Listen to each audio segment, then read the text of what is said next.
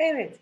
Şimdi e, dersin bu ikinci kısmında, seminerin bu ikinci kısmında biraz Türkiye hakkında konuşacağız. Türkiye'deki e, hafıza sahası ya da Türkiye'deki e, farklı geçmişin işlenme biçimlerine dair tartışma, politik tartışmaya dair birkaç bir şey söyleyeceğim.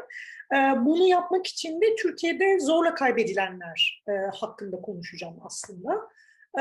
Türkiye'de zorla kaybedilenler hakkında konuşurken aynı zamanda çeşitli Türkiye'ye dair hafıza sahasına baktığımızda ileri sürülen çeşitli kavramları biraz tartışmaya çalışacağım, biraz da sorgulamaya çalışacağım. Çünkü genelde Türkiye hafıza sahasına dair yapılan çalışmalar son dönemde buna yükselen itirazlarla birlikte biraz değişmekle birlikte uzunca bir süre Türkiye'yi işte bir unutma ülkesi, bir amnezi ülkesi, bir hafızasızlık ülkesi olarak resmetti. Bunun ne kadar doğru bir tanım olduğu konusunda, Türkiye'nin durumunu açıklamak konusunda ne kadar analitik gücü yüksek bir tanım olduğu konusunda doğrusu biraz şüphelerim var. Bunları dile getirmeye çalışacağım e, zorla kaybetmeleri e, anlatırken aynı zamanda. Şimdi Türkiye'de kayıpların hikayesi, zorla kaybedilenlerin hikayesi çok eskiye gidiyor aslında. Yani 24 Nisan 1915 Ermeni soykırımının başlangıcına kadar götürebiliriz.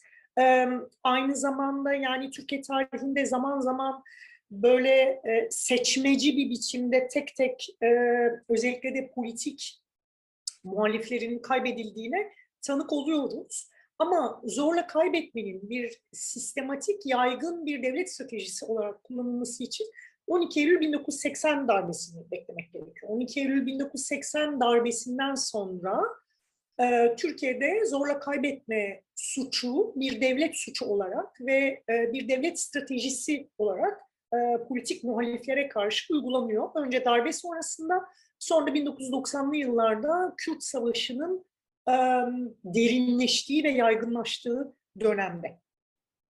Yaygın ve sistemik bir biçimde e, uygulanıyor. Şimdi zorla kaybetme suçu Türkiye'de genellikle kayıp ya da gözaltında kayıp kavramıyla anılır. Bu tabii tesadüf değil. Çünkü Türkiye'de kaybedilenler genelde e, yakınlarının önünde, evlerinden ya da iş yerlerinden ya da kalabalık bir insan topluluğunun olduğu yerden tanıkların gözü önünde ve çoğunlukla e, ya resmi olarak polis, jandarma kıyafeti giymiş failler tarafından ya da sivilse bile devlet görevlisi olduğunu açık açık ifade eden failler tarafından alınarak kaybedildikleri için genelde gözaltında kayıp kavramıyla anılır. Ben bu e, derste zorla kaybetme terimini kullanacağım. Zorla kaybetme terimi Birleşmiş Milletler'in terimi. Hem eylemin içerdiği zor unsurunu içeriyor tanımda. Hem kaybetme eyleminin sadece resmi olarak gözaltına alınmak şeklinde gerçekleşmesi gerekmediğini işaret etmesi bakımından e, e, daha doğru bir terim. Hem de eylemin kendisini diğer kaybolma biçimlerinden ayrıştırıyor.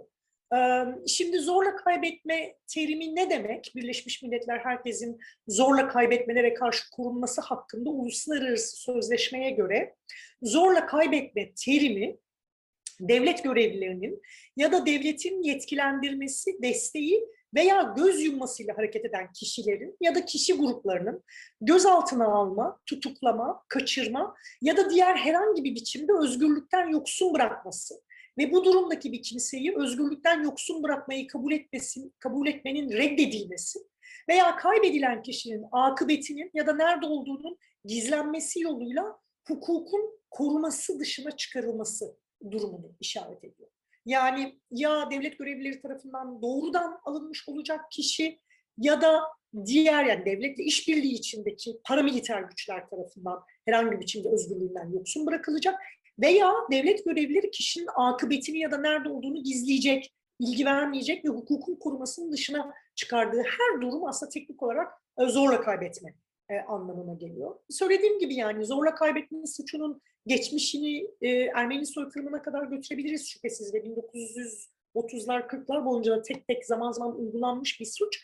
Ama yaygın ve sistematik kullanımı 12 Eylül 1980 darbesinden sonra başlayacak kitleselleşmesi için, çok daha yaygınlaşarak kitleselleşmesi için ise Kürt Savaşı'nın 90'lı yıllarda derinleşmesini bekleyeceğiz. Şimdi Türkiye'de zorla kaybedilenleri üç grup altında ele alabiliriz. Bir profil çıkarmak gerekirse e, kimler zorla kaybedildi diye üç gruptan söz edilebilir. İlk grupta e, silahlı mücadele yürüten sol örgütlerin militanları olduğu iddia edilen e, ve işte genelde Türkiye'nin batısında yaşayan işte sendikacılar, öğrenciler, e, işsizler, işçiler e, daha çok silahlı örgütlerin, e, radikal sol örgütlerin militanı olduğu e, iddia edilen kişiler. İkinci grupta kentlerde yaşayan ve sıklıkla da Kürt hareketinin işte siyasi partilerinin il ve ilçe yöneticileri olabilir. İşte gazete, Özgür Gündem gazetesi gibi Kürt hareketinin etrafındaki yayın gruplarının çalışanları olabilir. E, sendikacılar olabilir. Yahut e, gene Kürt hareketi etrafında kurulmuş kimi hak örgütlerinin ya da taban örgütlerinin çalışanları e, olabilir. Yerel toplumun yakından tanıdığı Kürt hareketinin yerel siyasi liderleri diyebileceğimiz bir profil var. Bu iki grupta aslında azınlığı oluşturuyorlar kaybedilenler içinde. Kaybedilenler içindeki en kalabalık grup ise, üçüncü grupta ise hani olağanüstü hal bölgesinde yaşayan, e, Kürdistan'da yaşayan aslında e, PKK örgütünün dağ kadrolarıyla e, kır ve kent arasında bilgi e, ve lojistik akışı sağladığı iddia edilen, milis olduğu iddia edilen e, tüm Kürtler yer alıyor aslında. En kalabalık grubu da bu üçüncü grup oluşturuyor zorla kaybedilenler içinde. Şimdi e, 1990'lı yılları beklemek gerek dedim.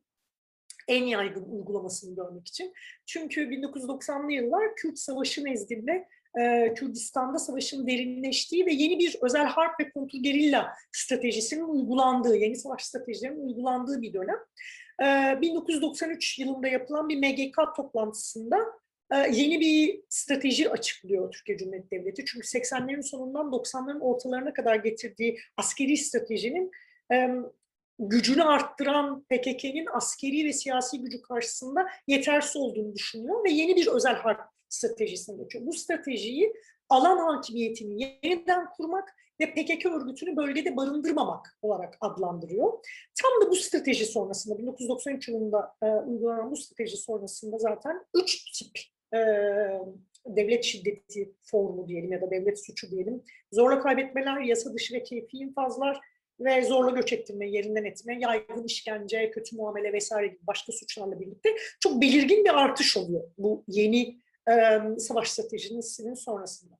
Şimdi zorla kaybetmelerin yıllara ve illere göre dağılımına bakarsak 1980-90 arasında belirli bir oran görüyoruz. 1991-92'de artmaya başladığını görüyoruz. 93'teki bu MGK kararından sonra yükseldiğini, 94'te en üst noktaya ulaştığını, daha sonra yavaş yavaş azalarak ama devam ederek 95, 96, 97, 98 ve 99'da devam ederek 2000 sonrasında çok çok daha az görülmek kaydıyla e, azaldığını görüyoruz. Ama yani sayısal dağılıma baktığımızda 93 MGK kararı sonrası bir tepe noktasına çıkış en yoğun e, görüldüğü yıl olarak 94 ve aynı zamanda da e, en yaygın görüldüğü şehirlere baktığımızda da gene e, Kürdistan ağırlıklı bir dağılım görüyoruz. Diyarbakır, Şırnak, Mardin, Batman ve İstanbul e, olmak kaydıyla. Dediğim gibi 1982 e, Eylül sonrası e, silahlı e, ya da radikal sol örgüt militanları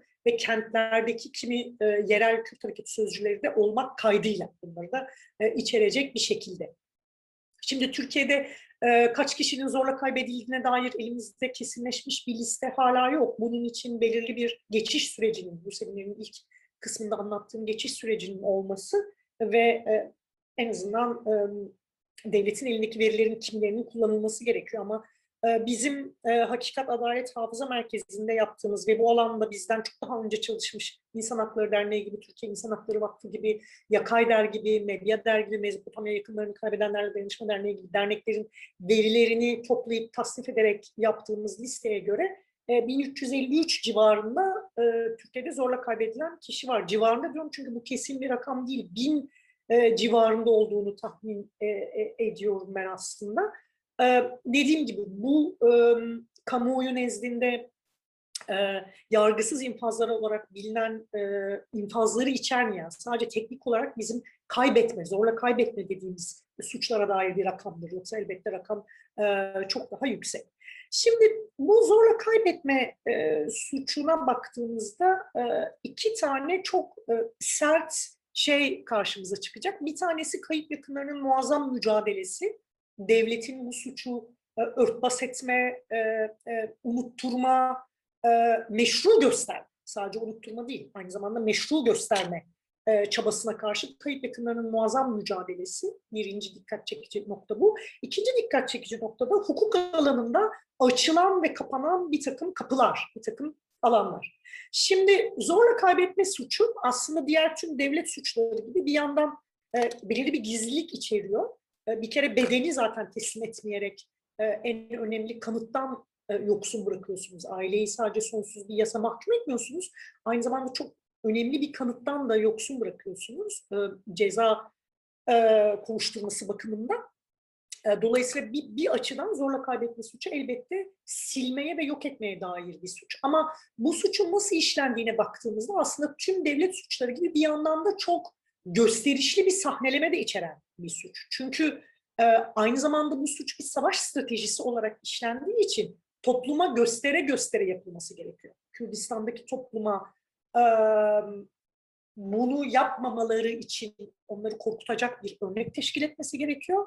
Ee, ve tabii ki Türkiye'deki kayıplar açısından keza Türkiye toplumunun tamamına ve aynı zamanda da bir devlet gücü gösterisi olarak da gösterilmesi gerekiyor. Dolayısıyla sadece saklayan, silen bir suç değil zorla kaybetme suçu. Aynı zamanda göstere göstere yapılan, yakınlarının gözünün önünde, insanların arasından, kamusal alandan alınan belirli imgelerin sürekli tekrar ettiği yani işte telsizli, e, kar maskeli JITEM ekiplerinin gelip e, kaybedilen kişiyi aldığı, şiddet uyguladığı e, vesaire bir suç. Dolayısıyla hem silen bir suç ama hem de kendini çok gösteren yani hatta bir gürültülü şovla gösteren bir suç. Dolayısıyla sadece unutturmak üzerine kurulu bir suç değil. Yani kendini göstermek, hatırlatmak ve aynı zamanda unutturmak. Çelişkili iki şeyi bir araya yapmak e, üzere ortaya konulmuş bir suç. Dolayısıyla e, sadece silen bir suç olduğundan söz edemeyiz. Yine ben doktora tezimi yazarken e, Hürriyet arşivine, Milliyet arşivine baktığımda şaşırtıcı bir şeyle karşılaşmıştım.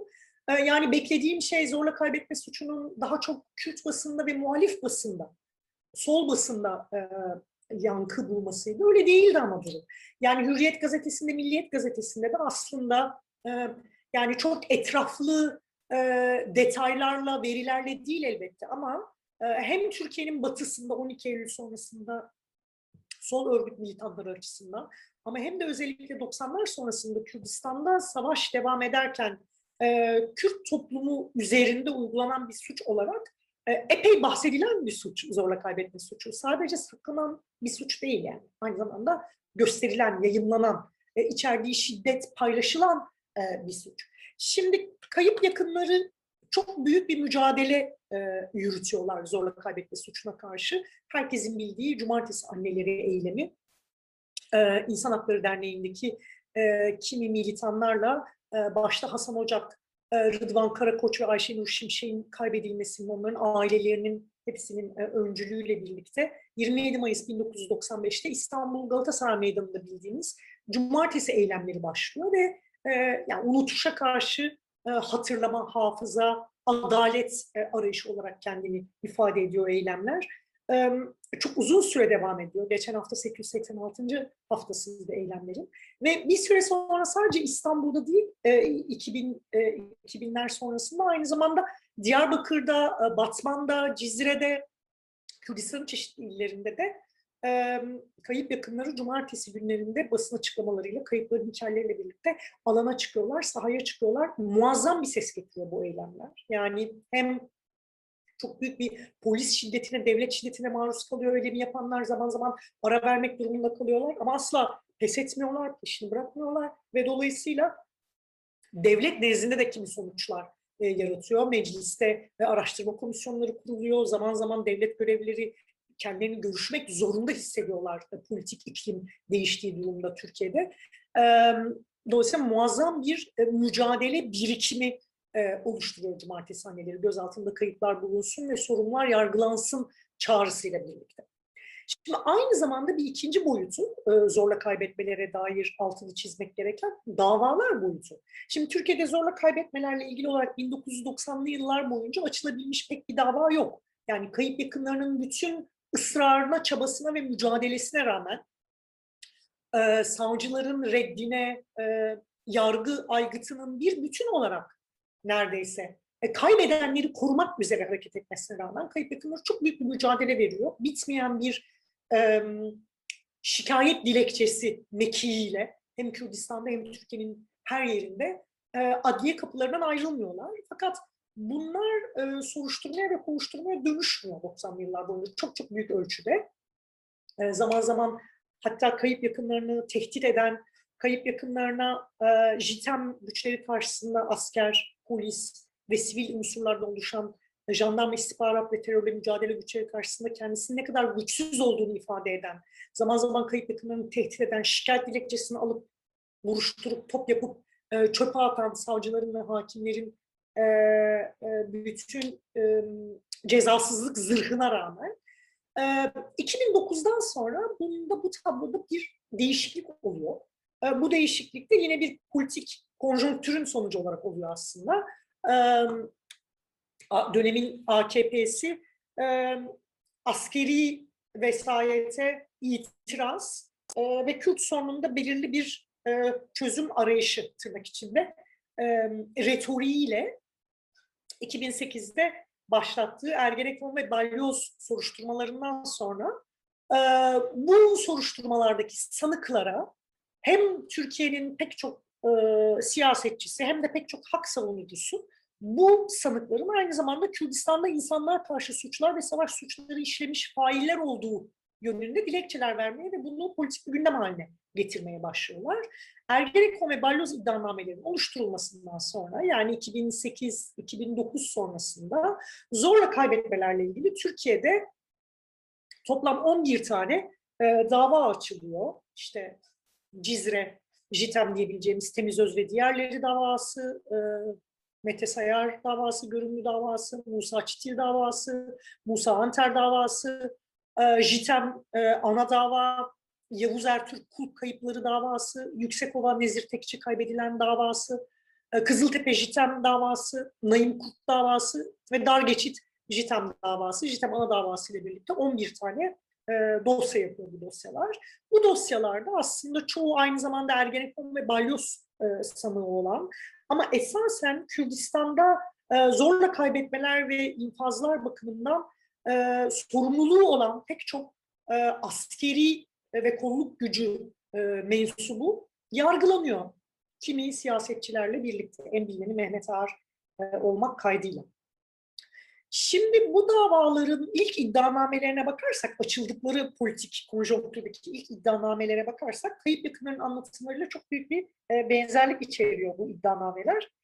E, yani tıpkı kayıp yakınların anlattığı gibi e, bu iddianamelerde JITEM yapısının nasıl tek tek e, özellikle de e, Kürdistan'daki kimi e, milis olduğu düşünülen insanları nasıl tek tek e, gözaltına aldığını, ne kadar süre devam eden bir işkenceli sorgudan geçirdiğini, kimliklerini nasıl aldığını ve nasıl infaz ettiğini kayıp yakınların anlatılarıyla çok uyumlu bir şekilde ortaya koyuyor e, bu ilk iddianameler. Yani devletin diliyle kayıp yakınlarının dili arasında ilk defa bir kısmi yakınlık ortaya çıkıyor. Bu yakınlığı çok da abartmamak lazım. Kısmi bir yakınlık olduğunun altını çizmek lazım. Çünkü bu her ne kadar çok önemli olsa da bu 11 JITEM e, dosyası aynı zamanda zorla kaybetme suçunu sanıkların bireysel bir takım ceza dosyaları haline getirmekle,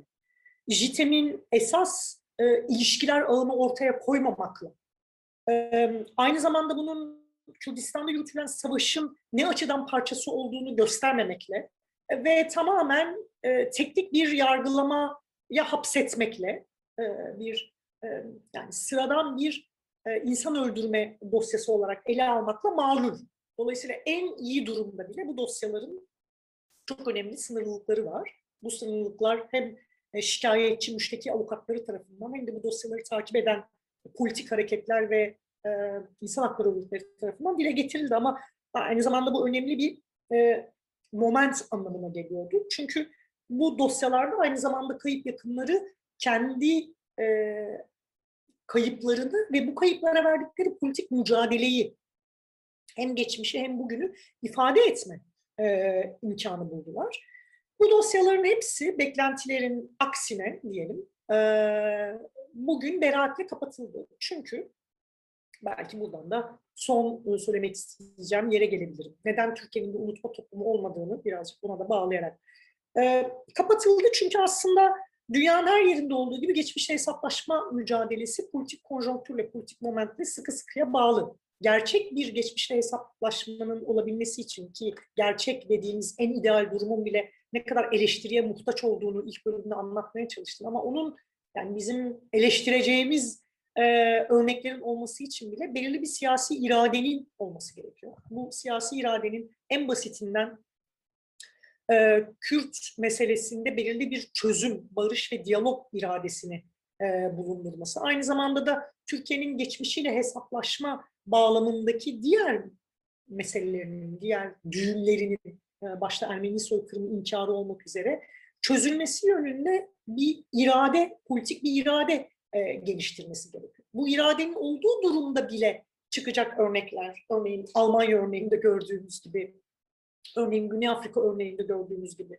son derece e, ehlileştirici, kolektif bir takım ihlalleri bireysel dramatik e, e, bireysel dramatik hak ihlallerine çevirici, tarihsel kökenlere arkamızı dönmemizi, yüzümüzü dönmemizi e, gerektirecek bir takım negatif sonuçlar yaratabilecek olabilir. Ama henüz ondan bile oldukça geride bir durumdayız. Yani geçmişte hesaplaşma dediğimiz şey e, aslında bugünkü Türkiye'ye baktığımızda belki sadece ne olmadığını görebileceğimiz bir durumdayız. Geçmişte hesaplaşma dediğimiz şey romantik bir anma, basit bir yerelleştirme hamlesiyle ileri sürülmüş helalleşme lafı falan değil. Geçmişte hesaplaşma dediğimiz şey ya da geçmişin farklı biçimde işlenmesi, geçmişteki suçlarla gerçek bir hesaplaşma demek. Ancak geçmişte olanın nedenleri ortadan kaldırılırsa, bu nedenler üzerine gerçek bir politik tartışma yürütülür ve bu nedenler ortadan kaldırılırsa e, olabilecek bir şey. Onun dışındaki her şey soyut bir e, romantizm olarak kalacaktır. Şimdi benim e, Türkiye kısmının başında söylediğim neden bu Türkiye'nin bir unutma toplumu olduğuna katılmıyorum'a geri dönersek aslında bütün bu suçlar yani zorla kaybetmelerden tutalım, e, Kürt Savaşı ekseninde işlenen başka yaygın devlet şiddeti biçimleri, devlet suçu biçimleri, Ermeni soykırımı inkarı kompleksinin ürettiği dil, retorikten tutalım başka başka e, devlet şiddeti biçimleri ve bunların diğer şiddet biçimleriyle birlikte düşünülmesi. Örneğin kadınlara yönelik şiddetle, LGBTİ artılara yönelik şiddetle, sermayenin gündelik şiddetinin e, e, imha ettiği, e, görünmez kıldığı pek çok e, cenazeyle, ölüyle, hastayla birlikte düşündüğümüzde aslında pek bir şeyin gizli olmadığını, yani pek bir şeyin unutulmuş olmadığını, aslında orada durduğunu, orada durduğunu herkesin bildiğini ama bilmek istemediğini, görmek istemediğini ya da inkar ettiğini ya da yani en kötüsü meşru bulduğunu e, düşünüyorum. Dolayısıyla Türkiye'yi düşünürken aslında diğer toplumları düşünürken de unutma, hatırlama gibi karşıtlıklar yerine e, reddedilmiş, inkar edilmiş ya da yapılması doğru bulunmuş bir takım devlet suçlarıyla yani faşizmin ya da farklı faşizmlerin türlü mekanizmalarının yarattığı türlü suçlar ve muazzam bir e, insani şiddet bakiyesiyle karşı karşıya e, olduğumuzu e, düşünüyorum. Dolayısıyla aslında bilinmeyen bir şey değil, bilinen ve meşru görülen e, en kötü ihtimalde, en iyi ihtimalde de susarak yokmuş gibi davranılan, inkar edilen yani. Ama bilinmeyen değil. Bir şeyle karşı karşıyayız. Bu şeye e, Michael Tosick, benim sevdiğim bir antropolog, kamusal sırlar sözleşmesi kavramını kullanıyor. Kamusal sır. E, yani aslında bilinen ama varlığı kabul edilmeyen, tanınmayan ve layığınca konuşulmayan e, devlet suçları, devlet şiddeti biçimlerini kastediyor. E, herkes sadece dehşete düşmesine yetecek kadarını bilmelidir diyor. Yani ancak bildikleri ne tam olarak neler olup bittiğini anlamaya ne de genellikle uluslararası mahkemelerin ya da başka devletlerin yaptırım uygulayabilmek için ihtiyaç duyduğu delili elde etmeye yeterli olmalıdır. Yani bir dehşeti, birilerinin imha edildiğini, infaz edildiğini, öldürüldüğünü, katledildiğini, işkenceden geçirildiğini bilecek ama bir mahkemede ifade vermeye yetecek kadar detaylı bilmeyebilir. Bazen bunu da bilebilir. Ee, dolayısıyla aslında kamusal sır, daha başlığındaki çelişkiden ötürü yani bir şey sırsa kamusal olamaz ya ama hem sır yani hem bir ölçüde failleri korumak için gizlenmek isteniyor ama aynı zamanda bir örnek oluşturması bakımından, devletin nasıl bir devlet olduğunu göstermesi bakımından da e, belirli bir gösterişle sahnelenmesi gerekiyor. Dolayısıyla kamusal sırlar sözleşmesi kavramının Türkiye için e, daha uygun olduğunu düşünüyorum. Türkiye'yi düşünürken de e, amnezi, unutma e, terimi yerine yine benim sevdiğim bir antropoloğun, bir akademisyenin Anne-Laura Stoller'ın Fransa için önerdiği bir kavram olan sömürgeci afazya teriminin daha uygun olduğunu düşünüyorum. Yani Türkiye'nin geçmişinin en hesaplaşmak istemediği kısmı e, en hesaplaşmayı reddettiği, inkarın en güçlü olduğu kısmı e, sömürgecilik ve ırkçılık içeren. Ermeni soykırımı gibi, Kürt Savaşı, Kürdistan'da yaşananlar gibi kısmı aslında. Ve o kısımda tıpkı Enlora Stoller'ın e, ırkçılık ve sömürgeciliği Fransa bağlamında tartışırken söylediği gibi bir bilme bilmeme sorun değil. Aslında çoğunluk ne olup bittiğini bilse de bunu meşru görüyor ve bunu tartışacak, bunu politik olarak yargılayacak, e, mahkum edecek, eleştirecek, e, bir problem olarak görecek e, kelimelerden, kavramlardan yoksun. O kadar güçlü bir inkar mekanizması işlemiş ki çünkü. O kadar uzun bir süre sömürgecilik ve ırkçılık temelli şiddet meşru ve makul görülmüş ki buna dair bir dil yok. Henüz buna dair kelimeler, kavramlar yok.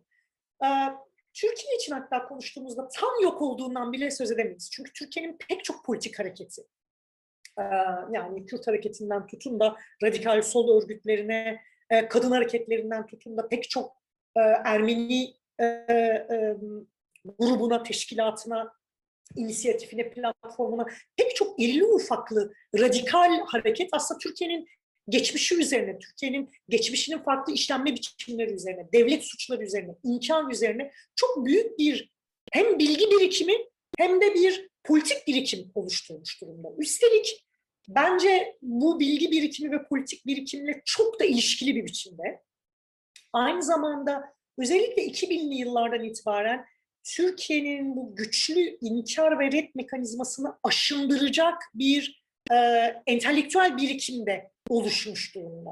Hem sanat alanında hem e, e, akademi içinde, akademi dışında vesaire. Bu zaman zaman fazla politik, fazla ideolojik görülüp küçümsenen militanların oluşturduğu birikimle tarihçilerin, akademisyenlerin, sanatçıların oluşturduğu birikim de bence çok ilişkili aslında. Birbiriyle çok fazla ilişki kurarak e, kendisini var ediyor. Dolayısıyla Türkiye için aslında çelişkili bir şeyden yine bir arada söz ediyoruz. Yani bir yandan çok güçlü bir inkar, çok güçlü bir e, devletin e, reddetme, inkar etme, kolonyal, sömürgeci, afazi e, dediğim şey benim çok kuvvetli. Ama yorgun o aynı zamanda ve ona çok güçlü bir e, direniş var aslında. Çok e, büyük bir mücadele birikimi var ona karşı. E, köklü politik hareketlerin, köklü politik akımların ve aynı zamanda e, parça parça da olsa biraz e, birbiriyle zaman zaman ilişkisiz de olsa zaman zaman ilişkide kursa